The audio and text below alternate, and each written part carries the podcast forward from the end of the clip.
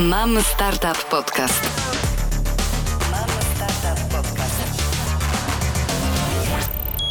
Tutaj Marta Janczewska-Barzak z podcastem Mam Startup. Dzisiaj rozmawiamy z Dorotą Matułą z Activi oraz z Mindy.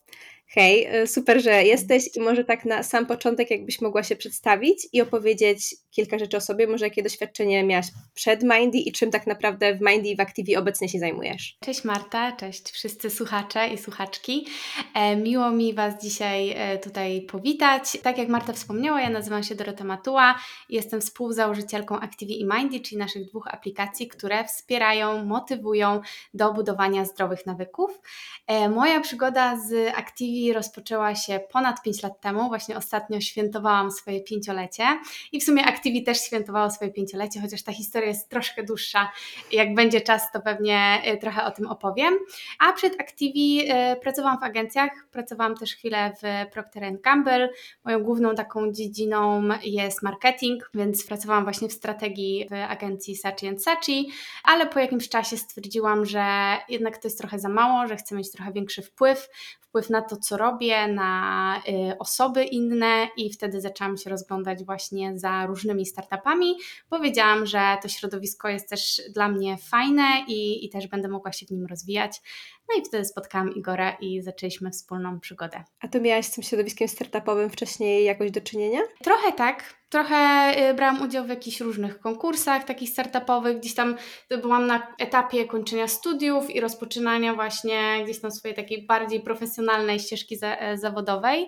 Chodziłam też na różne spotkania, na przykład do Google for Startups, do kampusu, e, więc y, trochę tak gdzieś tam krążyłam wokół tego środowiska, ale nigdy przed dołączeniem do Activi nie byłam tak wy a czekałam na ten moment, żeby w końcu samemu coś tworzyć, coś, e, coś pokazać światu i, i, działać właśnie nad jakimś swoim produktem. To skąd się wziął w ogóle pomysł na Activi i może też właśnie jakbyś mogła opowiedzieć w kilku słowach, czym e, ono w ogóle jest? To tutaj najlepszą osobą do opowiedzenia tej historii będzie Igor, czyli założyciel i pomysłodawca Activi, ale z racji tego, że ja do niego dołączyłam po, po kilku miesiącach, to też tą historię dobrze znam. Activi mm, tak ma swój początek gdzieś tam jeszcze w poprzedniej firmie Igora, Igor tworzył bambusowe rowery Asante Bikes. Natomiast z różnych przyczyn gdzieś tam ta produkcja tych rowerów musiała zostać zatrzymana, więc wtedy zaczął myśleć nad tym, jak, e, jak tą swoją pasję i też miłość do rowerów e, zatrzymać i, i może zostawić gdzieś tam ten zalążek roweru, rowerowego świata też w, w jakimś kolejnym produkcie i wymyślił wtedy, że chciałby robić takie floty rowerowe dla firm, e, żeby pracownicy mogli dojeżdżać rowerami do pracy. No a jak już pomyślał o tych flotach, to stwierdził, że trzeba to jakoś zgrywalizować e, i e, dać narzędzie tym pracownikom, żeby mogli mierzyć te dojazdy, porównywać się przy tych dojazdach, tworzyć jakąś właśnie taką bardziej grywalizację. E, no i z tego pomysłu została tylko ta ostatnia część, czyli sama aplikacja, która właśnie grywalizuje aktywności sportowe i w tamtym momencie był to tylko aktywność rowerowa, właśnie skupiająca się też na dojazdach rowerem do pracy. Natomiast Natomiast z biegiem lat dodawaliśmy kolejne aktywności i w tym momencie mamy ponad 50 dyscyplin, więc tak de facto aplikacja jest dla każdego, nie wykluczamy żadnej dyscypliny, więc jeżeli ktoś na przykład chce grać w tenisa i rejestrować swoje aktywności albo pływać, to też taką opcję ma. Więc y, de facto Activi przez te kilka lat się rozwijało i, i gdzieś tam właśnie dokładaliśmy te kolejne dyscypliny sportowe, natomiast sama taka misja i ten początek został, czyli Activi czyli aplikacja, która motywuje do zdrowego trybu życia, motywuje do aktywności fizycznej i rzeczywiście przez te 5 lat udaje nam się to robić z coraz większym zasięgiem i docierając do kolejnych firm. E, więc e, tak mniej więcej wyglądał ten początek, a jeszcze, żeby e, zaznaczyć to, w którym momencie ja dołączyłam, to właśnie jak Igor miał już ten, ten pomysł i zaczął tworzyć takie MVP, na początku na stronie internetowej, taką prostą grywalizację. Udało mu się wygrać też pierwszy jakiś konkurs, który był organizowany przez Microsoft, więc było też takie pilotażowe wdrożenie w Microsoftie. No a potem stwierdził, że jest gotowy to dalej rozwijać i potrzebuje drugiej osoby, która będzie go w tym wspierać, głównie właśnie z takim gdzieś tam podejściem marketingowym, sprzedażowym. No i tak się spotkaliśmy gdzieś tam z polecenia mojej koleżanki z agencji. E, zrobiliśmy kilka spotkań i stwierdziliśmy, że to jest to i zaczęliśmy współpracę i dalszy rozwój aplikacji. Czyli tak naprawdę wcześniej się nie znaliście? Nie. Znaczy ja trochę tak kojarzyłam Igora z jakichś właśnie przez innych znajomych, bo też Igor studiował na SGH-u, ja studiowałam w Poznaniu na Uniwersytecie Ekonomicznym, więc de facto do Warszawy przyjechałam dopiero po studiach. Wcześniej właśnie miałam też epizod w e, Prokterze, no to tam byłam kilka miesięcy w Warszawie, no ale dopiero po skończeniu magisterki przyjechałam do Warszawy, więc e, nasze pierwsze spotkanie to było de facto takie zapoznanie się face to face. No i potem mieliśmy jeszcze kilka spotkań i stwierdziliśmy, że tak, ja tego szukam i Igor też tego szukał, więc zaczęliśmy współpracę. To co Ciebie przekonało, żeby właśnie dołączyć zarówno jakby do samego Activi i jakby sparować się, że tak powiem, z Igorem, ale też y, właśnie, żeby wrzucić się w ten taki y, wir startupowy i to jeszcze z taką całkiem dużą odpowiedzialnością, bym powiedziała. Wiesz co, dla mnie w tamtym momencie y, najważniejsze było to, że i ja będę miała właśnie wpływ na to, po pierwsze, jak produkt będzie wyglądał. To był zupełny początek, gdzie tych klientów tam de facto było kilku, e, głównie po znajomości, więc też wiedziałam, że po prostu ode mnie będzie zależało, ilu tych kolejnych klientów zdobędziemy. No i wiedziałam też, że moje gdzieś tam pomysły będą brane pod uwagę i że będę właśnie miała wpływ na kształt całego produktu i, i też naszej usługi. Plus no sama misja tego, że gdzieś tam zawsze byłam blisko sportu, może od, od zawsze nie uprawiałam go jakoś e, bardzo bardziej, bardziej uprawiałam go amatorsko, natomiast e, jest to dla mnie też istotne. Też pamiętam, że na pierwszej rozmowie z Igorem mówiłam, że mój tata od kilkunastu lat dojeżdża rowerem do pracy i też po prostu wiem, jakie to jest dobre dla osób w różnym wieku, nie tylko żeby właśnie ten produkt był skierowany do młodych osób, ale też do starszych, bo wiem, jak aktywność fizyczna też jest właśnie istotna e, dla tych różnych grup wiekowych i po prostu podobało mi się to, że będę przy czymś, w co tak naprawdę w 100% wierzę i nie będzie dla mnie problemem sprzedawanie tego, bo pamiętam jeszcze swoje doświadczenia właśnie z agencji, jak pracowałam na przykład przy jakichś produktach, no załóżmy keczupach albo innych produktach, które no nie mają w sobie jakiejś takiej głębi i, i większej misji więc e, wiedziałam, że, że po prostu to jest coś, co, co jest jakby też zgodne z moimi wartościami i chciałabym właśnie to, to, to rozwijać, żeby pokazywać e, kolejnym osobom i kolejnym firmom. Ty dołączyłaś jako drugi, drugi, a tak naprawdę chyba pierwszy pracownik, czy jak to wyglądało u Was, jeśli chodzi o właśnie budowanie zespołu? Tak. Yy, ostatnio jak właśnie mieliśmy pięciolecie Activi, yy, to zrobiliśmy taką yy, imprezę w ogrodzie dla byłych pracowników, naszych przyjaciół, znajomych i przyszedł, y, właśnie Igor przedstawiał taką pierwszą, pierwszą osobę, z którą zaczął tworzyć Activi. Natomiast to był, e, to był jeszcze taki student, który trochę pomagał Igorowi, ale w pewnym momencie te drogi się rozeszły. No i w momencie, jak e, ja dołączałam do Activi, to Igor był sam. E, więc e, byłam tym pierwszym e, pracownikiem, a później co-founderem w właśnie Activi i Mindy. Razem ze mną przychodziła jeszcze jedna dziewczyna, więc de facto przez pierwszy taki nasz sezon w 2018 roku działaliśmy w trójkę, a obsłużyliśmy kilkudziesięciu klientów, więc naprawdę udało się. Pojawiło mi się kilka pytań w głowie. Z jednej strony jestem bardzo ciekawa na właśnie na jakim etapie budowania, tworzenia, rozwoju produktu dołączyłaś i jak to właśnie dalej gdzieś tam wyglądało i jak właśnie w tą trójkę daliście sobie radę z tym, żeby tylu klientów tak naprawdę obsłużyć. I też ciekawi mnie właśnie, jak to się stało, że też potem dołączyłaś jako co-founder, bo to też nie jest jakby mimo wszystko takie chyba popularne, że tym co-founderem można zostać z czasem bycia w startupie. Ale może zacznijmy od tego, Dobra. tej pierwszej mhm. części, czyli właśnie e, jak ten wasz e, rozwój produktu wyglądał, w którym momencie ty dołączyłaś e, mhm. i jak to dalej szło. Tak, no to ja dołączyłam w marcu, w kwietniu 2018 roku, gdzie była już taka pierwsza wersja aplikacji mobilnej, jeszcze niedoskonała, jeszcze miała dużo, dużo e, do poprawy, ale stwierdziliśmy wtedy, że idziemy do kolejnych firm i będziemy ją testować. E, więc w tamtym momencie było trzech klientów, właśnie to był Microsoft, to był Google, e, ponieważ Igor wcześniej pracował w Google, więc gdzieś tam, tak jak mówiłam, firmy trochę po znajomości, tak jak pewnie większość startupów rozpoczyna swoją właśnie pracę z klientami. I wtedy też e, rozpoczynał się taki dość duży mm, przetarg na rywalizacje rowerowe w miastach. I jak ja dołączałam, to właśnie wtedy e, Activi było brane pod uwagę i gdzieś tam był, e, była perspektywa tego, że jesienią 2018 roku będzie kilka takich rywalizacji w miastach.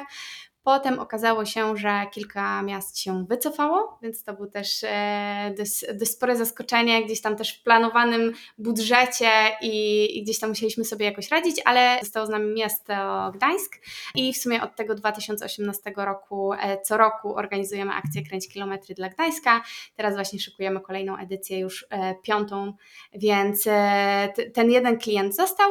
No i w tamtym momencie aplikacja była tylko rowerowa, miała już rankingi, miała takie podstawowe feature'y, które zostały z nami do dzisiaj, czyli możliwość połączenia akcji z celem charytatywnym, właśnie możliwość bonusowania aktywności do i z miejsca pracy i cała, cały taki model grywalizacyjny, on gdzieś tam przez lata był rozwijany przez nas, natomiast te, ten, ten taki zalążek już w, w momencie, jak ja dołączam, to my kończyliśmy jakby go dopracowywać. Czyli, e, że rywalizacja właśnie ma nie wykluczać e, oso osoby, które nie są super usportowione, bazuje na punktach, punktach, punktach, które można zdobywać właśnie za aktywność do miejsca pracy, za kilometry i za passę, czyli tak zwaną regularność. To jest w ogóle e, taki feature, który jak robimy zawsze ankiety na koniec wyzwań firmowych, to pracownicy właśnie wskazują jako coś, co ich najbardziej motywowało, czyli to, że dzień po dniu muszą te aktywności wykonywać, bo inaczej stracą pasy i stracą bonusowe. I nawet mieliśmy kilka takich śmiesznych historii,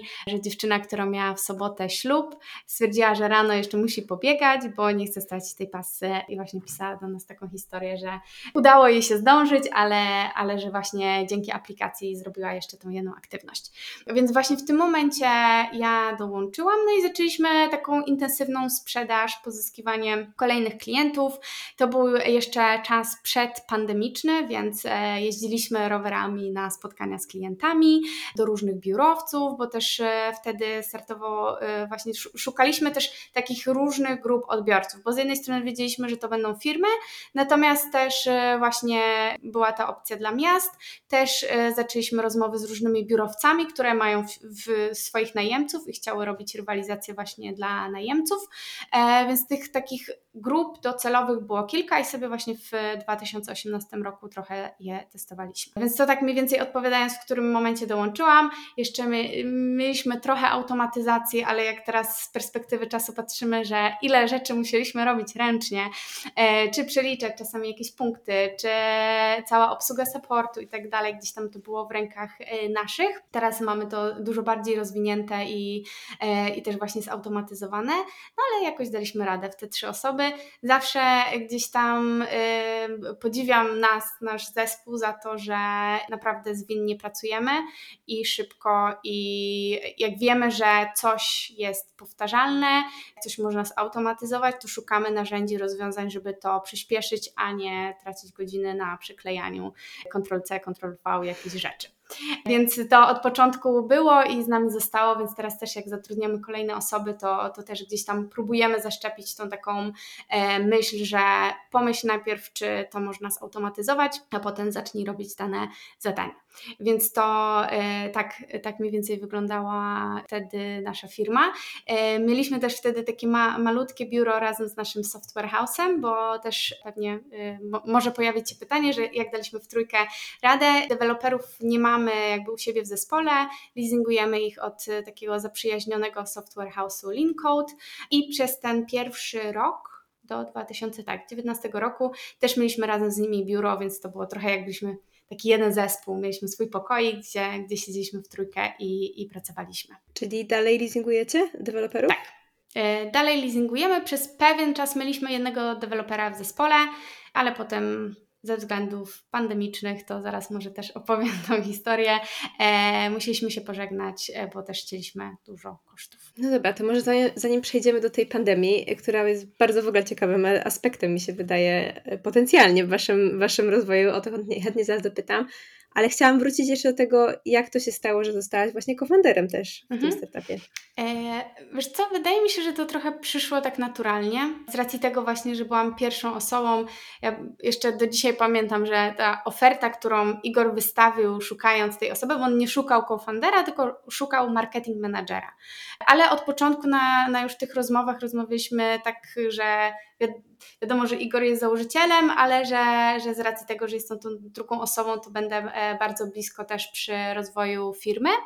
I chyba po półtorej roku, właśnie jakoś w 2020, Igor stwierdził, że no to może, może z, zróbmy ciebie tym co-founderem, bo i tak jakby duża część rzeczy takich i operacyjnych, i e, rekrutacji, i zarządzania zespołem była w mojej gdzieś tam, e, w moim obszarze obowiązków, e, więc trochę tak naturalnie to wyszło i teraz wydaje mi się, że też super dobrze wychodzi nam takie współprowadzenie firmy. Są obszary, w których gdzieś tam Igor bardziej się specjalizuje, są obszary, w których ja jestem bardziej zaangażowana, ale też bardzo blisko ze sobą pracujemy i też to jest naprawdę bardzo pomocne, że mamy często bardzo różne zdania na y, różne tematy i e, po prostu je sobie zderzamy, żeby wyjść z jakimś nowym pomysłem. E, I myślę, że też właśnie jak ktoś samemu prowadzi firmę, to jest to bardzo trudne, bo tych tematów jest dużo, są różne e, i zawsze lepiej sobie z kimś porozmawiać, nawet tak, żeby to poukładać w głowie, przemyśleć, to, to naprawdę jest pomocne, jak można to zrobić z drugą osobą. No właśnie, a jaki macie w ogóle podział ról obowiązków pomiędzy Tobą a Igorem? Wiesz co? To jest tak, że podział obowiązków jest dość płynny e, i tak samo jest e, z naszymi pracownikami, że de facto mamy bardzo płaską strukturę i trochę wychodzimy z założenia, że każdy zajmuje się wszystkim. Oczywiście są osoby, które mają pewne specjalizacje, ale na tym etapie rozwoju, gdzieś tam jak jest to kilkanaście osób, to też wiemy, że że no, nie, nie będziemy szukać specjalistów, którzy będą tylko robić jedną malutką rzecz, tylko raczej szukamy takich osób, które są bardziej wszechstronne.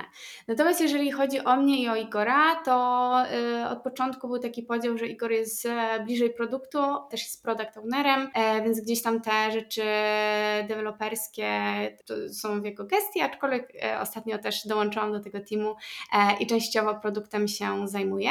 U Igora też jest cała kwestia finansowa, y, też kwestia gdzieś tam rozliczeń i częściowo sprzedaż. Natomiast u mnie y, jest właśnie bardziej zarządzanie zespołem, rekrutacja, y, marketingowe rzeczy, też sprzedaż i obsługa klienta. Więc taki mamy, taki mamy podział, aczkolwiek dużo rzeczy gdzieś tam się między nami też miesza, też czasami E, ja biorę jakieś rzeczy, które y, zazwyczaj robił Igor, czasami Igor robi rzeczy, które robię ja, żebyśmy też byli cały czas gdzieś tam up to date i wiedzieli, co, co dzieje się w firmie. Natomiast jeszcze e, mogę powiedzieć, że tak charakterologicznie jesteśmy zupełnie różni. I ostatnio w zespole robiliśmy, każdy z nas robił test Galupa. e, i właśnie wyszło, że Igor ma zupełnie w innych segmentach te mocne strony, a ja mam też w innych. I tak w skrócie mówiąc, gdzieś tam u mnie jest więcej tej, tych relacji z innymi, organizacji, takiego właśnie poukładania, natomiast u Igora jest więcej takiej kreatywności, strategii, analizy, e, więc gdzieś tam on bardziej tak wizyjnie patrzy, a jestem tą osobą, która zawsze sprowadza do, e, do pionu i mówi, to może trochę poczekajmy, może najpierw to zróbmy, ułóżmy, zastanówmy się, e, no i dzięki temu się fajnie uzupełniamy. A ten podział jakby zawsze u Was tak wyglądał? W ogóle jak jak właśnie radzicie sobie w takich sytuacjach, kiedy te zdania macie odmienne, kiedy podejście do czegoś macie odmienne? Wyrobiliście sobie z czasem takie sposoby na to?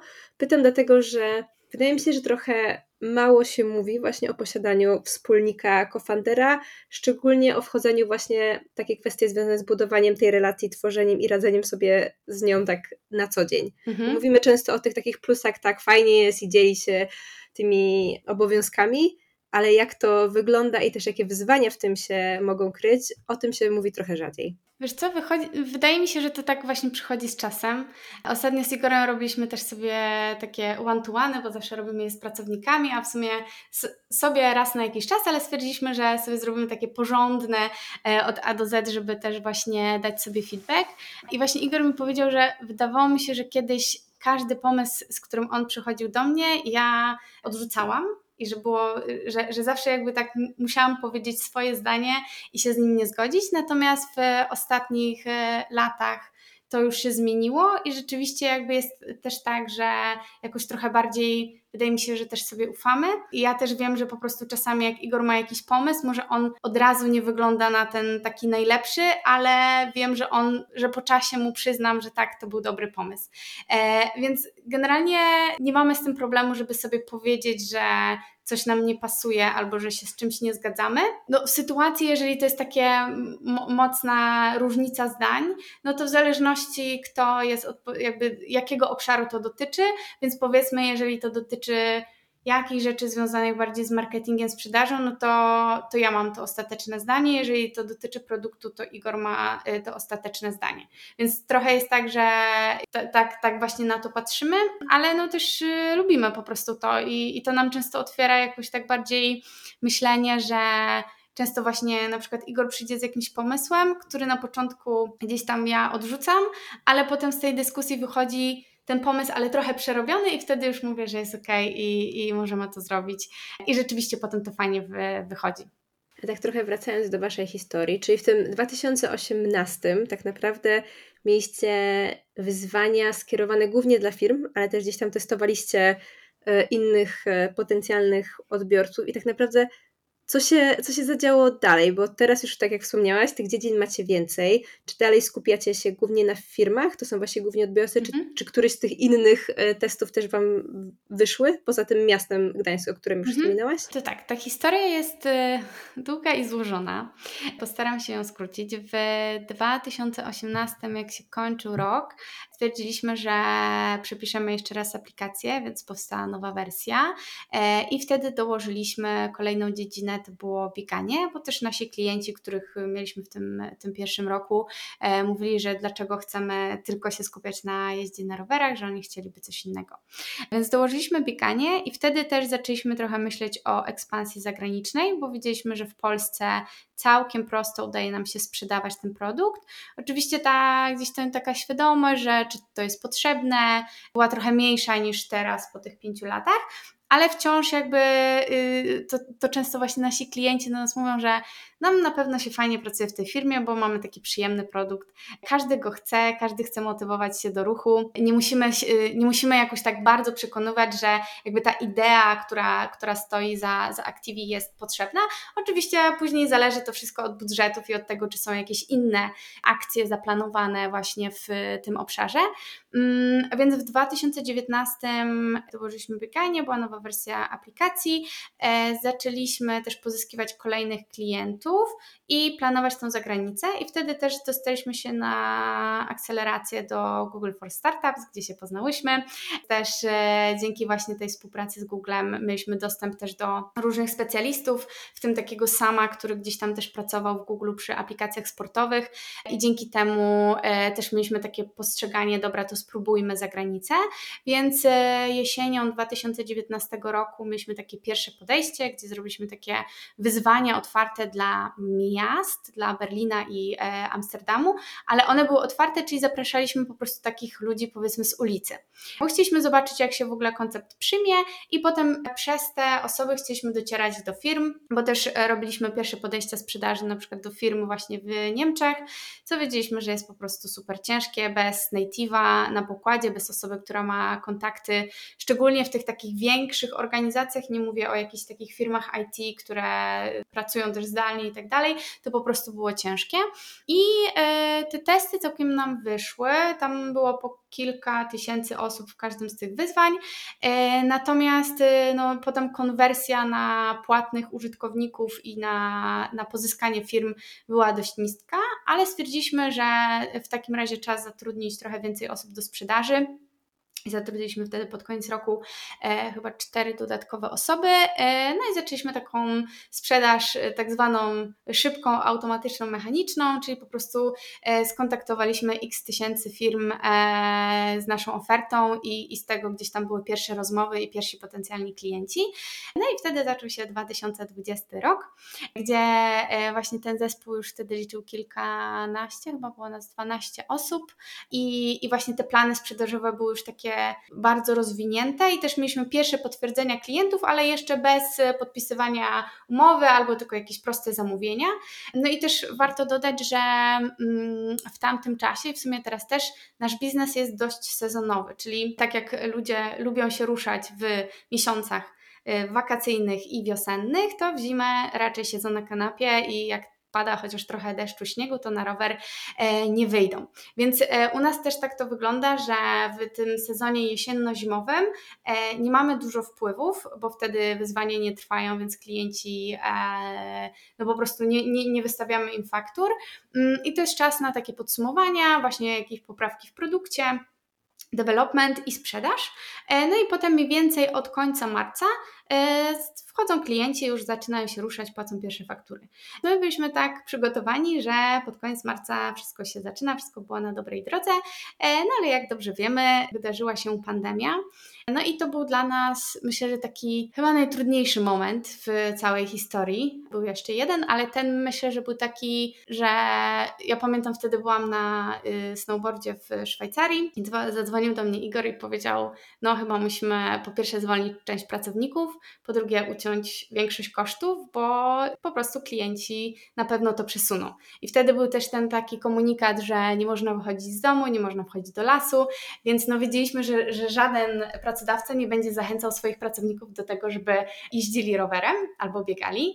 Plus wiedzieliśmy też, że przez najbliższe miesiące HR-y, no bo też naszym głównym tym odbiorcą po stronie firmy jest zazwyczaj, e, zazwyczaj e, dział HR, to oni będą skupieni na y, pracy zdalnej, na tym, żeby przeformować zespoły. Też były zwolnienia w, w tamtym momencie. E, no więc wiedzieliśmy, że po prostu musimy działać szybko, bo inaczej może za parę miesięcy po prostu my będziemy musieli się zawinąć, bo, bo nie, nie, nie będziemy mogli się utrzymać. E, więc to był, e, nazywamy to Czarny Poniedziałek, to były e, 30 urodziny Igora, e, gdzie e, ja właśnie wróciłam z e, tych wakacji, no i musieliśmy zwolnić właśnie część zespołu, no i powiedzieć, że na razie zamrażamy część też naszych działań, ale dzięki temu udało nam się przetrwać, więc no, była to ciężka decyzja, ale myślę, że gdybyśmy tego w tamtym momencie nie zrobili, nie zrobili tego tak szybko, to Activi by nie wyglądało teraz tak, jak wygląda. No właśnie, mm, sorry, mhm. że się trochę tak tutaj wetnę, ale jestem ciekawa, jak, jak wyglądał ten proces, tak naprawdę te decyzje, jakby jak podejmowaliście decyzję, kogo rzeczywiście zwolnić. Też wyobrażam sobie, że to musiało być strasznie trudne, jednak szczególnie właśnie w, w startupie, gdzie budowaliście tak naprawdę całym zespołem ten, ten produkt i, i go gdzieś tam rozwijaliście i też to było Twoje pierwsze doświadczenie w zwalnianiu pracowników? Tak, tak. Wcześniej działałam w organizacji studenckiej, więc czasami e, w cudzysłowie zwalnialiśmy osoby, ale, ale tak, to było pierwsze doświadczenie. Myślę, że ale też było trochę inne, bo to, nie, to, to było, mieliśmy bardzo dobre argumenty, dlaczego, dlaczego to robimy. I tam rozstawaliśmy się w takiej, no powiedzmy, miłej atmosferze. To nie było tak, że nie wiem, ktoś zrobił jakiś błąd i musieliśmy się pożegnać, tylko po prostu sytuacja była jaka była. I myślę, że też, tak jak potem rozmawialiśmy też z tymi osobami, też większość osób właśnie była też e, ostatnio u nas na tej y, imprezce na pięciolecie, więc jakby ten kontakt pozostał. Myślę, że też oni rozumieli, że po prostu wiedzieli, że to jest jest y, dobra decyzja. Y, jak wyglądał ten proces? My w, pod koniec roku zatrudniliśmy trzy nowe osoby. Mm, a więc to były osoby, które były najmniej doświadczone, więc trochę poszło tak, że, że te osoby, które, które właśnie były z nami naj, najkrócej, to zostały przez nas zwolnione. I, mm, I potem jeszcze patrzyliśmy tak, co rzeczywiście będziemy robić przez te najbliższe miesiące, czy na przykład tam będzie więcej obsługi klienta, no nie będzie, bo tych klientów nie będzie, czy na przykład będziemy musieli wymyślać jakieś nowe rzeczy do produktu, żeby jakoś się utrzymać. No i pod tym względem jakoś tak y, dobraliśmy osoby, które, które pozostały, a które zostały zwolnione. No i tak, to było, to było ciężkie doświadczenie, ale myślę, że też cenne, bo, bo, też dużo się wtedy nauczyliśmy. A z jak dużą częścią zespołu musieliście się pożegnać i jak też w ogóle dalej sobie poradziliście, bo ta pandemia mhm. jednak wydaje mi się trwała więcej niż większość z nas przypuszczała, że będzie trwać na początku. Mhm. E, wiesz co, wtedy mieliśmy chyba 10 osób albo 11 i zostało 5 osób, czyli połowa, a potem jeszcze właśnie zostawiliśmy też naszego dewelopera, a potem jednak z tym deweloperem się pożegnaliśmy. Więc koniec końców zostały 4 osoby, czyli ja, Igor i Emilka i Patryk. Więc e, generalnie w czwórkę zaczęliśmy wymyślać co dalej. I tak pandemia trwała długo, natomiast pierwsi klienci zaczęli do nas wracać tak mniej więcej w lipcu, więc jakby ten start sezonu przesunął nam się no nie o cały rok, tak, bo jakbyśmy byli cały rok stratni, to pewnie było, byłoby też trochę inaczej, ale, e, ale te kilka miesięcy i w międzyczasie my też no, kombinowaliśmy, żeby, żeby też mieć co robić, więc y, zrobiliśmy takie biegi online z Decathlonem, bo też przed pandemią zaczęliśmy, y, mieliśmy w planach taką dużą akcję z, właśnie ze sklepami stacjonarną. No oczywiście pandemia poprzeżywała te, te plany i, i też sklepy były zamknięte i też były trochę inne priorytety, ale zrobiliśmy te biegi online, które każdy był poświęcony innej organizacji charytatywnej i po prostu każdy mógł sobie kupić taki bilecik, bilet wstępu, gdzie część została przekazywana na cele charytatywne, no a część trafiała do nas. Oczywiście to nie były jakieś wielkie kosy, ale starczało chociaż na część gdzieś tam utrzymania narzędzi. No i też mieliśmy jakieś takie poczucie satysfakcji, spełnienia, że widzimy, że jednak ludzie się bawią i to już było po tym, jak znieśli zakaz wychodzenia z domu i wchodzenia do parku, więc to była tam połowa mniej więcej maja. Mm, I zorganizowaliśmy chyba kilkanaście takich biegów. Co, co, e, co weekend był po prostu taki bieg i właśnie były nagrody sponsorowane przez Decathlon, więc też fajnie to wyszło. I wtedy też dołożyliśmy kolejną kategorię, czyli tak zwane ćwiczenia stacjonarne, których de facto wcześniej nie chcieliśmy dodawać, bo wiedzieliśmy, że trochę to jest coś innego niż jazda na rowerze, bieganie, to jest trochę inny system weryfikacji tych aktywności, e, no bo tutaj nie mamy śladu GPS, więc dołożyliśmy taki bardzo prosty moduł, no bo też gdzieś tam nie chcieliśmy y, wkładać dużej ilości środków na, na rozwój te, tego feature'a i y, część firm to doceniła i też właśnie wiedziała, że ludzie będą ćwiczyć w domu, więc skorzystała też z tego, z tego feature'a i dzięki temu właśnie na przykład zdecydowała się na start w lipcu, a nie dopiero we wrześniu czy w kolejnym roku. E, no ale tak naprawdę y, część klientów wstrzymała się z decyzją e, i na przykład wróciła do nas dopiero w 2022 roku e, albo w 2021, więc no to nie było tak, że no nie, nie byliśmy stratni, tylko udało nam się też pozyskać nowych klientów, ale, ale no to, to nie było, jakby nie zrealizowaliśmy tego celu, którego za, zakładaliśmy na 2020 rok, no i wtedy też ta sprzedaż zagraniczna to już w ogóle stwierdziliśmy, że ucinamy, bo to też jest jest gdzieś tam y, ona potrzebowała jakby du dużej nakładu, dużego nakładu inwestycji, żeby się dopiero po jakimś czasie nam zwróciła. Więc skupiliśmy się na Polsce, no i tak ten 2020 rok przetrwaliśmy i wtedy też powstał pomysł Mindy, bo, bo stwierdziliśmy, że musimy też się zabezpieczyć trochę na to, że a nuż znowu zimą coś się wydarzy, więc chcieliśmy też, żeby produkt był taki bardziej całoroczny i wtedy też wyszedł temat gdzieś tam w, wśród firm zdrowia psychicznego i, i wtedy od tamtego momentu też zaczęliśmy tworzyć właśnie Mindy. Zaraz o Mindy Ciebie jeszcze dopytam, ale zostając jeszcze chwilę przy Activii, chciałam spytać o to właśnie, jak Wy weryfikujecie i trakujecie tą aktywność, bo wspomniałaś tam o GPS-ie, mhm. ale właśnie w przypadku tej aktywności stacjonarnej to się wydaje, dużo trudniejsze. Plus, jeszcze tutaj takie mhm. bonusowe pytanie, czy zdarzają Wam się takie sytuacje, że ktoś naciąga swoją aktywność, właśnie żeby te punkty czy tą pasę utrzymać? Mhm, tak. Nie zakładałam, że będę o tym opowiadać, ale jest to duży problem.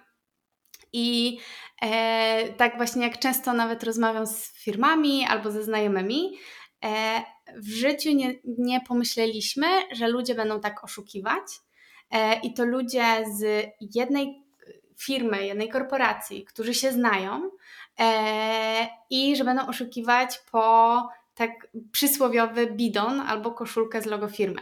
Bo my też gdzieś tam zawsze zachęcamy firmy do tego, żeby nie sponsorowało jakichś dużych nagród o wysokiej wartości, no bo wtedy już w ogóle włącza się niezdrowa rywalizacja. Z tych nagród jest zazwyczaj dużo, ale właśnie jakichś takich drobnych, które e, w jakiś sposób wynagrodzą udział w rywalizacji ale ludzie oszukują na potęgę. Mm, szczególnie, że y, od zeszłego roku 40% naszych klientów to są firmy produkcyjne.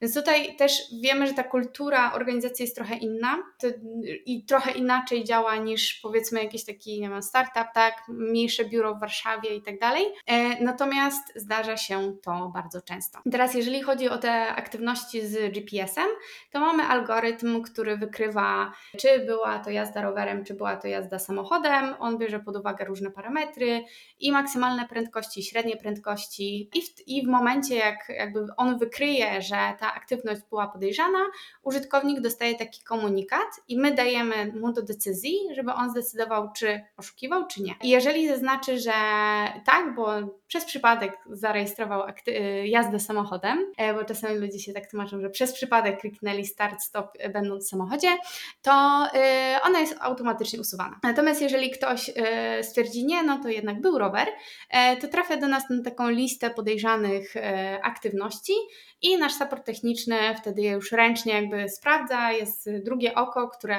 e, gdzieś tam dokładnie analizuje właśnie te prędkości, wykres, mapkę, czy rzeczywiście na przykład to była, bo czasami była to jazda po prostu po autostradzie, gdzie wiadomo, że jazda rowerem jest zabroniona, no i wtedy to jest podstawa do tego, żeby taką aktywność usunąć. Natomiast przy tych aktywnościach stacjonarnych, właśnie dzisiaj e, zajmuję się tym tematem, potwierdzeniem wykonania takiej aktywności jest dodanie zdjęcia podczas treningu. I e, zachęcam zachęcamy użytkowników do tego, żeby albo przed, albo w trakcie, albo tuż po dodali takie zdjęcie. Oczywiście to nie musi być zdjęcie twarzy, to może być zdjęcie, które po prostu wskazuje na wykonanie treningu. E, natomiast wiadomo, że ludzie czasami myślą, że nikt tego nie sprawdza, e, więc dodają różne zdjęcia, albo to samo zdjęcie, które wykonali 10 dni temu na siłowni, do kolejnych aktywności.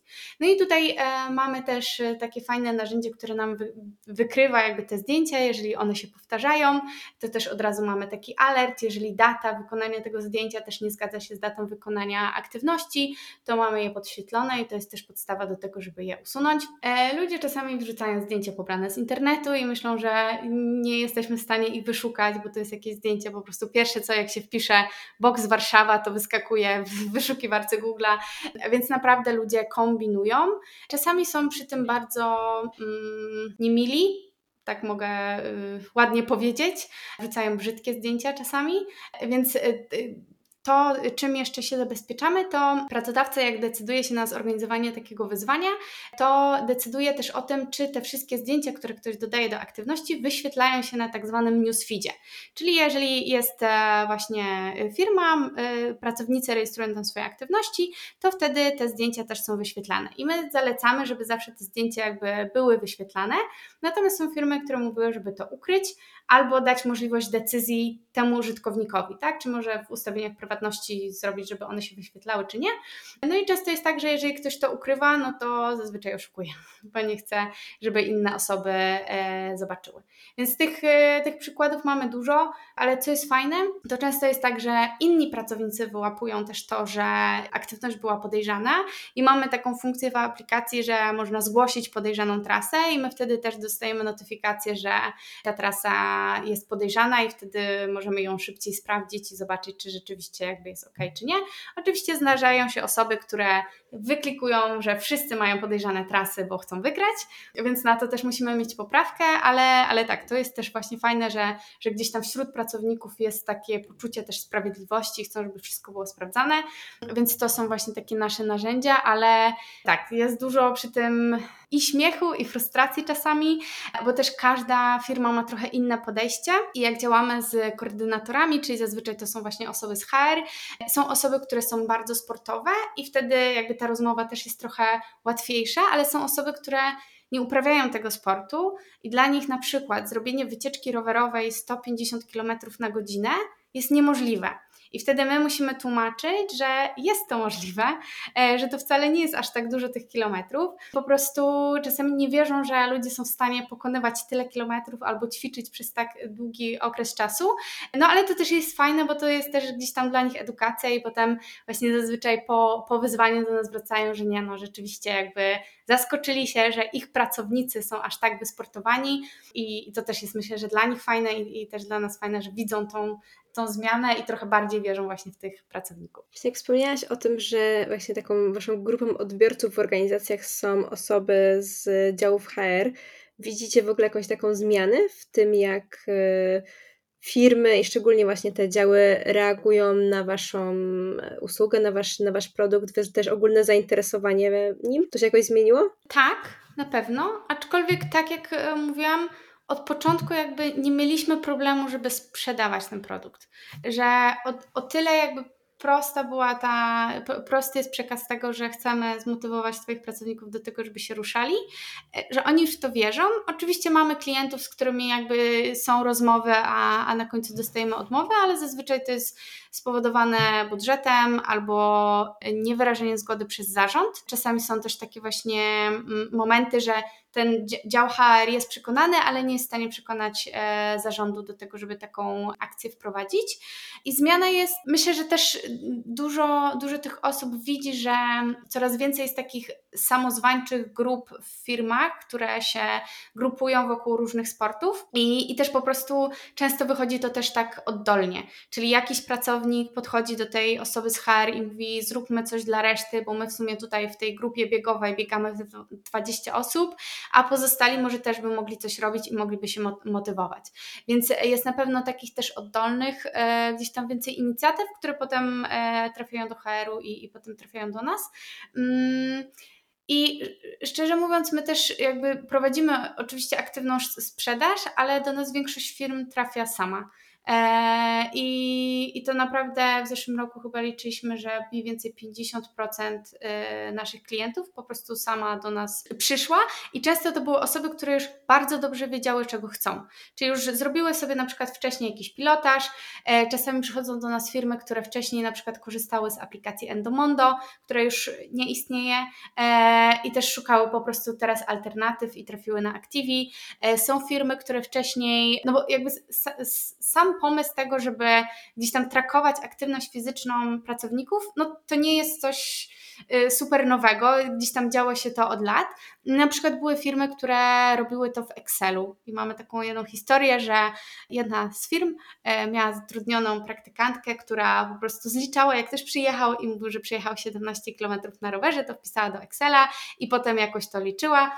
Oczywiście y, tam pewnie tych nadużyć było bardzo dużo, ale rzeczywiście y, to już się działo i po prostu z, myślę, że zmiana jest taka, że on, y, firmy wiedzą, że chcą coś bardziej sprawdzonego, coś bardziej kompleksowego, co nie będzie zabierało im dużo czasu, czyli nawet wcześniej jak organizowali tego typu akcje, to teraz już są gotowe, żeby to trochę bardziej nabrało takich prawdziwych kształtów, tak? Czyli żeby była jedna dedykowana aplikacja, żeby były jakieś raporty, żeby właśnie były różne te dyscypliny, żeby było sposób weryfikacji tych aktywności, więc tutaj na pewno jest, jest ta większa świadomość, ale y, i samo takie nastawienie do tych aktywności fizycznej, no myślę, że w ciągu pięciu lat się zmieniło na plus oczywiście, ale czy jakoś tak drastycznie, to nie wiem. Na pewno dla nas zaskoczeniem były branże, które obsługujemy, bo tak zaczynaliśmy oczywiście od tych warszawskich, gdzieś tam, gdzie też mieliśmy znajomości i na przykład z założenia wychodziliśmy, że banki to na pewno nie, no bo ludzie tam są w garniturach, to kto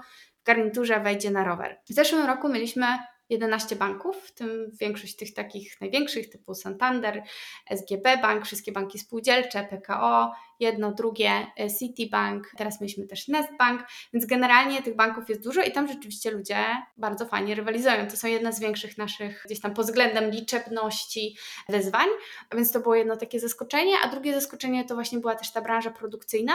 Znaczy może nie zaskoczenie, ale wcześniej nie wiedzieliśmy też, czy tam są budżety na takie benefity, tak? No bo wiadomo, że gdzieś tam w tych y, w dużych miastach są są budżety na benefity i, i, gdzieś tam tych benefitów jest dużo. Natomiast w tej produkcji to tak zaczęliśmy testować, ale właśnie wyszło, że tak. I z racji tego, że ta aktywność fizyczna, my mówimy, że jest takim trochę najbardziej demokratycznym benefitem, szczególnie jeżeli mówimy o bieganiu, spacerowaniu, jeździe na rowerze, że tutaj nie, nie, muszą być na przykład jakieś obiekty sportowe koło hali produkcyjnej, tak, żeby korzystać załóżmy z karty multisport. Nie musi być specjalnej aranżacji, tylko wystarczy, że ktoś ma te dwie nogi. Większość osób w Polsce posiada rower, więc e, jest to bardzo demokratyczne i rzeczywiście te firmy to widzą. Więc często jest tak, że my jesteśmy jednym z niewielu benefitów, które są oferowane właśnie takim pracownikom produkcyjnym. Ciekawe bardzo, naprawdę. Jakby też e, zaciekawiło mnie to w takim razie, jeśli to były takie firmy, których wy się trochę nie spodziewaliście, to jak one do Was trafiły? To jest też ciekawe. Tak jak mówiłam, większość firm do nas przychodzi sama, często z poleceń.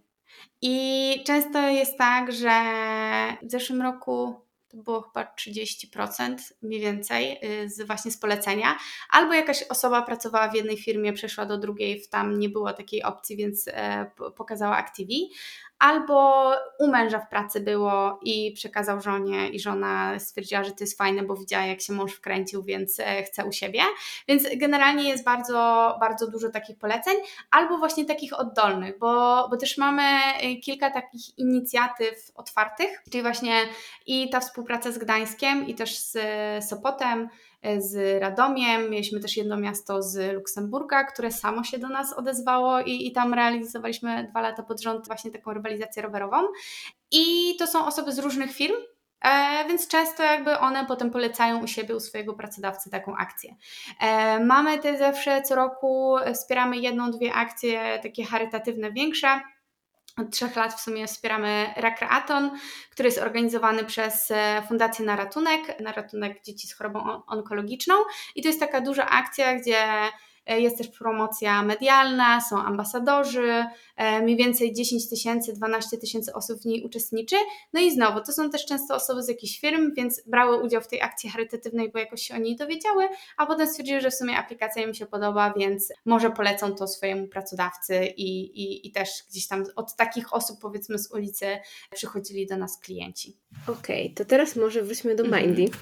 E, bo gdzieś tam już o ten temat e, zahaczyłyśmy. Czym jest Mindy i jak właśnie powstało? Bo wspomniałaś o tym, że to tak w czasie pandemii też ten, ten pomysł do Was przyszedł, ale jakbyś mogła trochę to mhm. rozwinąć.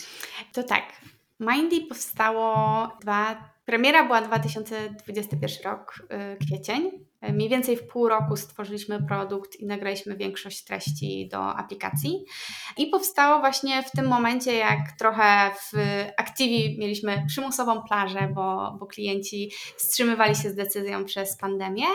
I zaczęliśmy myśleć właśnie, co jeszcze możemy zrobić. E, no i jakoś tak naturalnie przyszło, że jeżeli dbamy o zdrowie fizyczne, to możemy zadbać też o zdrowie mentalne pracowników. I wtedy jakoś tak od słowa do słowa, e, gdzieś tam pamiętam, że mieliśmy taki mini wyjazd i właśnie rozmawialiśmy o tym, że moglibyśmy tak bardziej kompleksowo podejść do zdrowia i dołożyć właśnie jeszcze jeden produkt. Na początku myśleliśmy, żeby to połączyć bardzo z Activi, potem stwierdziliśmy, że lepiej zrobić to osobno, żeby też nie mieszać w Activi, który jest dość skomplikowanym produktem. I, i jakoś tak też. Yy, Mieliśmy trochę inspiracji ze Stanów, widzieliśmy jak działa Headspace, jak działa Calm. I Igor i ja i w sumie też reszta zespołu, gdzieś tam ta medytacja była, może nie, że jakoś bardzo dużo medytowaliśmy, ale wiedzieliśmy z czym to się je, mieliśmy też od, od kilku lat zainstalowanego Headspace'a, e, więc gdzieś tam raz na jakiś czas tą medytację robiliśmy. No i właśnie myśląc o, o tym zdrowiu psychicznym w tamtym momencie, stwierdziliśmy, że zaczniemy od takiej podstawy. Y, nie będziemy jeszcze wchodzić na takie tematy właśnie bardzo terapeutyczne, psychologiczne, tylko chcemy w Polsce pokazać ludziom, że warto medytować. I nie było wtedy żadnej aplikacji tego typu była jedna, ale miała trochę inne podejście, o tak, bo gdzieś tam nam zależało na tym, szczególnie, że zakładaliśmy, że głównie z produktu będą korzystały, korzystali pracownicy, żeby było to poparte badaniami, wiedzą naukową, żeby tam, tą medytację trochę w Polsce odczarować, żeby nie kojarzyła się z magią, jakimiś czakrami i tak dalej, tylko po prostu że jest to narzędzie, tak jak pójście na siłownię, narzędzie dla umysłu, żeby gdzieś tam się uspokoić, co oczywiście też e, wpływa na koncentrację, poprawę produktywności i tak dalej. No i wtedy stwierdziliśmy, że tak, nie ma takiej. Widzieliśmy też, że Headspace i Calm jeszcze zajmie im trochę czasu, zanim zaczną produkować content po polsku, bo widzieliśmy też, jakie kraje gdzieś tam mają zmapowane, e, a też widzieliśmy, że jednak ten język jest istotny przy medytowaniu, bo wiadomo, że nawet jeżeli osoby znają język angielski, no to nie zawsze jakby będą, się, będą bardziej się skupiały na, na języku prowadzenia, a nie na samej treści e, nagrania. No i jakoś tak od słowa do słowa stwierdziliśmy, dobra, robimy. Chcieliśmy zrobić bardzo prostą, czytelną aplikację. Okazała się troszkę trudniejsza, ale, ale też dość szybko udało nam się ją stworzyć. No i zaczęliśmy szukać różnych tamtym momencie właśnie trenerów uważności, trenerów mindfulness, którzy będą dla nas tworzyć treści i je nagrywać. Mm, no i wtedy właśnie zaczęliśmy współpracę z Jankiem Panasiukiem, który też gdzieś tam po znajomości się u nas pojawił i zaczęliśmy właśnie dokładać kolejne, kolejne osoby. Z tworzeniem treści to też jest osobna, myślę, że księga e, tego, jak się e, nauczyliśmy, bo też wcześniej no, nie, nie tworzyliśmy tego typu nagrań, e, więc szukaliśmy, mieliśmy dużo podejść do, do właśnie znalezienia dobrego studia, do znalezienia dobrych lektorów, bo też bardzo dużą trudnością było to, że często ci trenerzy, nauczyciele mieli bardzo fajną wiedzę, ale po pierwsze nie potrafili jej w taki fajny, skondensowany sposób przedstawić, e, więc tam było dużo też naszej pracy i osób, które zatrudniliśmy przy tym, mm, żeby trochę poprawiać te treści, żeby one były jak najbardziej konsumowalne. Bo też na czym nam zależało Mindy i wciąż zależy, że żeby to były treści krótkie i angażujące. No powiedzieliśmy, że można zapisać się na webinar, posłuchać kogoś, kto przez dwie godziny będzie coś tam o czymś opowiadał, potem zrobi jakąś długą medytację, a nam zależało e, na tym, żeby to były takie bardziej krótkie, trochę wiedzy, trochę tej właśnie wartości powiedzmy naukowej, a potem jakieś krótkie ćwiczenia, czy to ćwiczenie oddechowe, czy medytacja, czy relaksacja, bo też dużym działem oprócz medytacji na początku był dział sen i relaks. Więc to podejście właśnie do, do tych trenerów, a drugie to do lektorów, bo też jak robiliśmy takie pierwsze testy na e, użytkownikach, to bardzo duże znaczenie miał głos. Pamiętam, że przesłuchałam chyba ponad 150 różnych głosów osób i też to było bardzo ciężkie, bo często te osoby miały, były dobre, ale na przykład były dobre do reklamy jakiegoś sklepu mediowego, a niekoniecznie do prowadzenia medytacji. Więc potem na szczęście udało nam się znaleźć fajną, fajną trenerkę, która i pisała, i nagrywała, bo też była piosenkarką, więc gdzieś tam ten głos e, Darii był bardzo przyjemny i w sumie większość, może nie większość, ale bardzo duża część medytacji i relaksacji jest właśnie nagrana przez e, Darię, ale potem też właśnie znajdowaliśmy kolejne osoby. Tak to powstawało, więc e, w skrócie, czym, czym było Mindy w tym 2020-2021, to miała być taka polska wersja Headspace'a, właśnie z medytacjami, relaksacjami, muzyką na sen, muzyką na produktywność, która miała trafić właśnie i do pracowników, bo to był nasz podstawowy kanał. Też wiedzieliśmy, że mamy dużą bazę i naszych obecnych klientów Activi i też potencjalnych klientów, więc wiedzieliśmy, że ta sprzedaż gdzieś tam będzie fajnie szła, ale stwierdziliśmy, że też y, zdecydowanie jest to produkt bardziej też B2C. Więc zdecydowaliśmy się od samego początku na prowadzenie tych dwóch dróg, co było y, dużym, może nie problemem, ale na pewno trochę zaskoczeniem, jak bardzo różnią się te kanały i jak bardzo trudno pozyskiwać właśnie użytkowników indywidualnych w modelu subskrypcyjnym w Polsce. Bo y, Mindy, y, tak jak w tym modelu dla firm, no to gdzieś tam to było sprawdzone, firma kupuje X dostępów dla X pracowników na dany okres i po prostu oni korzystają z, z aplikacji. Natomiast dla użytkowników indywidualnych mieliśmy subskrypcję. Kto się zajmował subskrypcją, subskrypcjami wie, że nie jest to proste, szczególnie, że my jakby ten moduł mieliśmy bezpośrednio w aplikacji. No i o ile samo pozyskiwanie użytkowników e, i e, zdobycie tych użytkowników darmowych szło nam całkiem dobrze, to pozyskiwanie tych płatnych trochę gorzej. I tutaj się też bardzo przeszacowaliśmy, ponieważ myśleliśmy, że trochę więcej osób jakby szybciej będzie się decydowało na zakup e, opcji premium.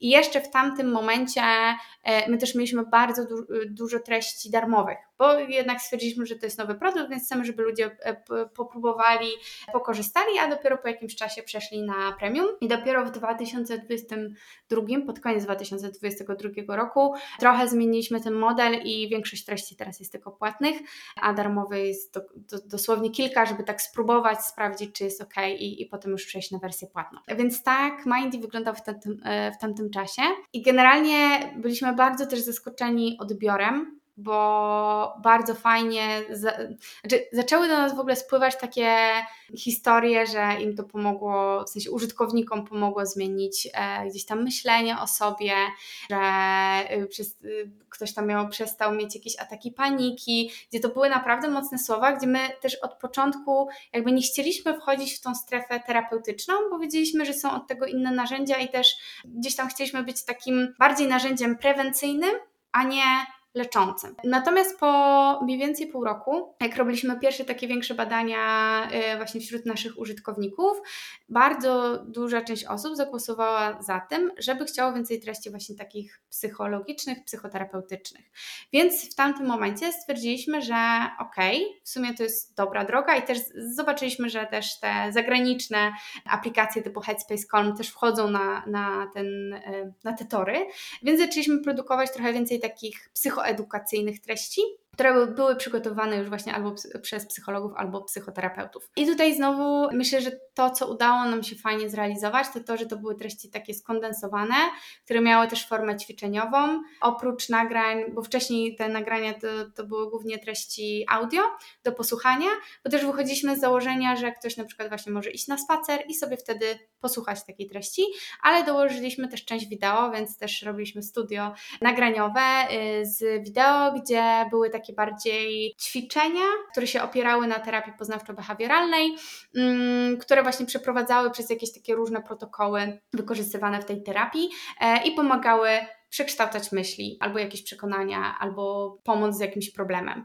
E, później dołożyliśmy też testy e, takie psychologiczne, które też często są stosowane, jakby są dostępne w internecie, ale, ale też właśnie wiedzieliśmy, że osoby, które są u nas już w naszym środowisku, naszej aplikacji też chętnie z tego korzystają i to też było dla nas zaskoczeniem, bo ludzie lubią klikać w testy. Dużo osób sobie właśnie chciało sprawdzić, jaki poziom na przykład właśnie stresu mają, czy, czy jak sobie, jak wygląda ich poziom e, snu, więc to było też często wykorzystywane.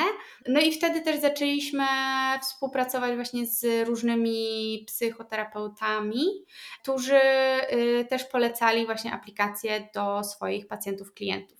I to było też dla nas właśnie jakimś takim kolejnym kanałem, który pokazało, że nie tylko taka osoba gdzieś tam z ulicy może wejść, nie tylko osoba, y, gdzie pracodawca zmusi trochę do korzystania z takiej aplikacji, tylko że to może być też fajne narzędzie właśnie w trakcie terapii albo nawet po terapii. Y, I zaczęliśmy rozwijać taki kanał właśnie terapeutów. Udało nam się pozyskać patronat Polskiego Towarzystwa Terapii Poznawczo-Behawioralnej, który skupia w tym momencie chyba 4000 psychoterapeutów jest chyba jedną z większych takich organizacji w Polsce. I tam rzeczywiście jakby to było polecane przez te osoby. Natomiast to też był taki kanał, który bardzo, bardzo długo trzeba było rozwijać. Mm, I to też on nie przynosił tak szybko efektów, bo i tam wiemy też, że w obecnej sytuacji, też po pandemii, gdzie zainteresowanie zdrowiem psychicznym, zdrowiem mentalnym e, wzrosło, to po prostu te osoby są zazwyczaj zajęte. I e, nawet do dzisiaj, tak jak taką pierwszą kampanię robiliśmy nawet mailingową właśnie do osób z, czy z towarzystwa, czy z jak, jakichś innych e, psychoterapeutów, to po roku dostaję odpowiedź, że przepraszam, że dopiero teraz odpisuję na maila, ale po prostu nie miałam, nie miałam czasu, chętnie przetestuję aplikację i, i dam znać co i jak. Więc e, generalnie to był jakby fajny też kolejny kanał dotarcia do użytkowników aplikacji, no ale też bardzo, bardzo długo gdzieś tam był, no po prostu to, tu potrzeba czasu. W tym momencie też jakby sprzedajecie MindDeep właśnie w tych trzech kanałach, zarówno, bezpo, zarówno bezpośrednio do konsumenta, jak i do B2B, jak i właśnie poprzez terapeutów? Tak, natomiast y, jeżeli chodzi o firmy, to tutaj trochę się wstrzymaliśmy, ponieważ też ten odbiór nie był, nie był taki, jak zakładaliśmy. Że nawet jeszcze na etapie, gdzie aplikacja nie powstała, tylko mieliśmy jakieś makiety, mieliśmy właśnie rozeznanie u naszych klientów albo jakichś e, potencjalnych klientów, to były też duże firmy konsultingowe, właśnie banki, gdzie wszyscy mówili tak, że to jest super i, i że chcemy, zróbcie aplikację, przetestujemy i damy znać. I potem e, większość tych firm testowała, mówiła, że jest super, że im się podoba, ale potem była odmowa albo cisza.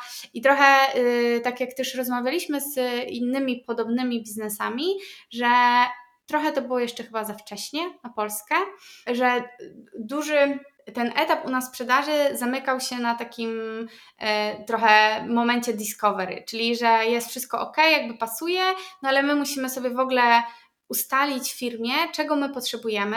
I tutaj właśnie było, czy my chcemy prewencji, czyli załóżmy takiej aplikacji, z której każdy może korzystać, czy my chcemy pomocy, leczenia, bo ludzie nie dają rady, są wypaleni zawodowo, są zestresowani i po prostu potrzebujemy godzin psychoterapeutów. Więc często było tak, że te firmy wybierały jednak szybko załatajmy dziurę, więc bierzemy tych psychoterapeutów albo psychologów, a to może zrobimy za jakiś czas. Albo weźmiemy tylko dla jakiejś jednej grupy. I na przykład mieliśmy tam jakieś firmy, gdzie to było tylko dla grupy menedżerskiej, czyli nie było dla wszystkich pracowników, tylko dla, dla jakiejś tam grupy 20 osób. Więc to, to właśnie też trochę yy, zmieniło nasze patrzenie, że były firmy naprawdę zainteresowane, które się zdecydowały, ale duża część jednak yy, wstrzymała się z decyzją. E, bo po prostu nie była gotowa i myślę, że tutaj też największy taki był gdzieś tam bloker, to był zarząd, jak ja to udowodnię, że to pomoże, e, szczególnie jak jeszcze to było w takim etapie, gdzie skupialiśmy się trochę bardziej na tej medytacji. Potem jak dołożyliśmy tą część też edukacyjną, to psychoedukacyjną, to, to gdzieś tam te rozmowy trochę szły na inny tor, przeszły na inny tor. Natomiast często firmy mówiły, dobra, to możemy za rok, dwa wrócimy, to teraz chcemy godzinę webinaru. E, no i na przykład re realizowaliśmy takie godziny webinaru z naszymi trenerami, bo już mieliśmy fajną bazę, tam ponad 40 osób, które e, stworzyły dla nas treści i po prostu wybierały sobie z tych osób, czy to ma być trener uważności, czy jakiś psychoterapeuta, czy jakiś coach i tak dalej, więc e, realizowaliśmy webinary. No ale to, to, to nie był produkt, który my gdzieś tam chcieliśmy sprzedawać. Mm, więc od tego roku tą sprzedaż do firm troszkę zawiesiliśmy. E, ale to też z uwagi na to, że po prostu większość naszych sił zespołowych przerzuciliśmy na Activi. I po prostu wiedzieliśmy, że y, znowu wprowadziliśmy nową wersję aplikacji, e, wiedzieliśmy, że tych potencjalnych klientów jest coraz więcej, więc po prostu skupiliśmy się na sprzedaży samego Activi, bo też na początku myśleliśmy, że może prościej będzie nam sprzedawać dwie rzeczy naraz, ale to jednak nie to nawet jeżeli te same osoby w firmie zajmują się i tym zdrowiem psychicznym i fizycznym, to często jakby to trochę był zupełnie inny projekt, inny budżet, skądś inną dobrany, więc, e, więc generalnie nie, nie dało nam się tak, wiesz, w, w dwupaku sprzedawać um, Activi i Mindy. Więc w tym momencie głównie naszymi odbiorcami są osoby właśnie, które kupują subskrypcje indywidualne. Jakimś tam tym małym kanałem są te, jest ten kanał terapeutów, ale też yy, w, gdzieś tam mamy tyle pracy przy Activi, że w tym momencie gdzieś tam nasze skupienie jest głównie na Activi, rozwoju Activi. Teraz też planujemy wyjście na zagranicę, a Mindy, Mindy może będzie szukało nowego domu. Tam właśnie mamy jakieś takie wstępne rozmowy, e, żeby się zastanowić, co z tym produktem zrobić dalej, bo wiemy, że jest bardzo pomocny, że te treści, które udało nam się stworzyć, mamy ponad 1500 treści y, w różnych kategoriach y, i sama aplikacja jakby się sprawdza, tylko potrzebujemy trochę większej e, gdzieś tam zespołu, który by mógł to poprowadzić, plus e, osób, które po prostu będą miały budżet, żeby dalej Mindy rozwijać, bo też myślę, że to warto dodać, y, Mindy było bootstrapowane przez nas, czyli my nie mieliśmy jakiegoś dodatkowego finansowania na Mindy, tylko z tego, co zarobiliśmy na Activi, włożyliśmy w rozwój e, Mindy, więc też e, jak zobaczyliśmy, znaczy w sumie od początku to wiedzieliśmy, ale myśleliśmy, że trochę, trochę inaczej gdzieś tam to się też te koszty pozyskiwania usera rozejdą, że jakbyśmy mieli na przykład finansowanie na nawet jakiś taki milion złotych, które możemy zainwestować w pozyskiwanie userów, to jest prosta matematyka, gdzie jakiś procent wykupuje premium i po prostu nam się to zwraca, ale po prostu tych własnych środków e, nie mieliśmy, a w tamtym momencie też nie chcieliśmy szukać kolejnego inwestora, bo już jednego mieliśmy w, e, w Activi, więc, e, więc po prostu też stwierdziliśmy, że te środki chcemy wykorzystać na rozwój dalej Activi, a niekoniecznie w tym momencie Mindy. Czyli jakby pierwotnie z Mindy zamysł był taki, że to będzie produkt, który będzie mógł współgrać z, z obecnym Activi, będzie mógł sprzedawany razem, ale koniec końców wyszło, że produkt rozwinął się trochę w inną stronę i tam wyszły trochę inne potrzeby, inne grupy docelowe i to tak naprawdę stworzył się kolejny produkt zupełnie oddzielny. Tak, zdecydowanie tak i to też był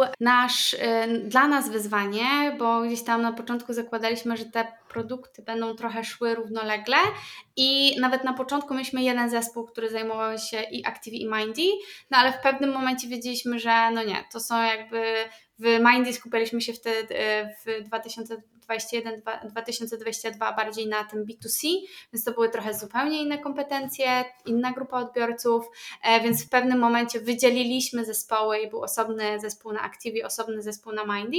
Natomiast ja i Igor wciąż byliśmy głowami w obu.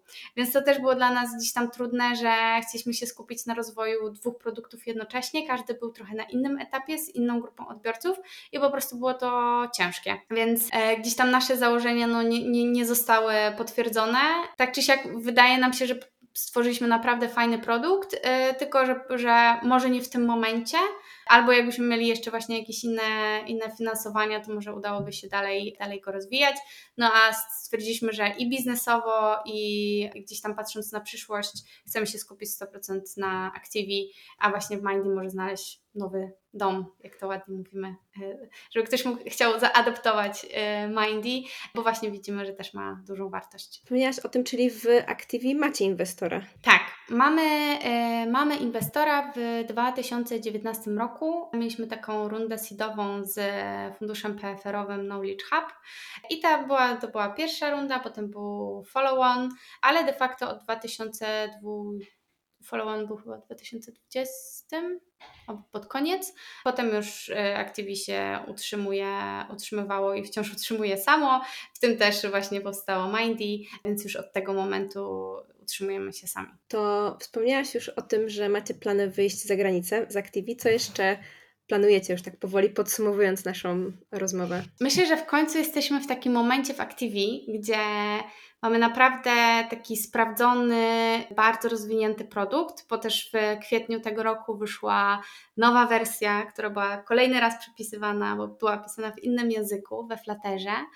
I do, dołożyliśmy te kolejne aktywności i też widzieliśmy, że coraz więcej obecnych naszych klientów poleca nas do oddziałów zagranicznych, więc jakby wiemy, że w tym momencie właśnie ta zagranica, jesteśmy gotowi na to, bo wydaje mi się, że w tym 2019 to było takie trochę podejście, o spróbujmy, ale myślę, że jeszcze i zespołowo, i gdzieś tam produktowo nie byliśmy na to gotowi. W tym momencie y, myślę, że jesteśmy w 100% gotowi na to, żeby, znaczy tak czy siak częściowo firmy zagraniczne obsługujemy, czy to są jakieś y, po prostu różne oddziały, które mają też oddział w Polsce, ale też takie totalnie gdzieś tam międzynarodowe już do nas spływają, no ale po prostu chcemy to zwiększyć i, i na pewno wyjść gdzieś tam na całą Europę. Mm, e, więc to jest e, dla nas taki teraz fokus i, i, gdzieś tam chcemy się skupić.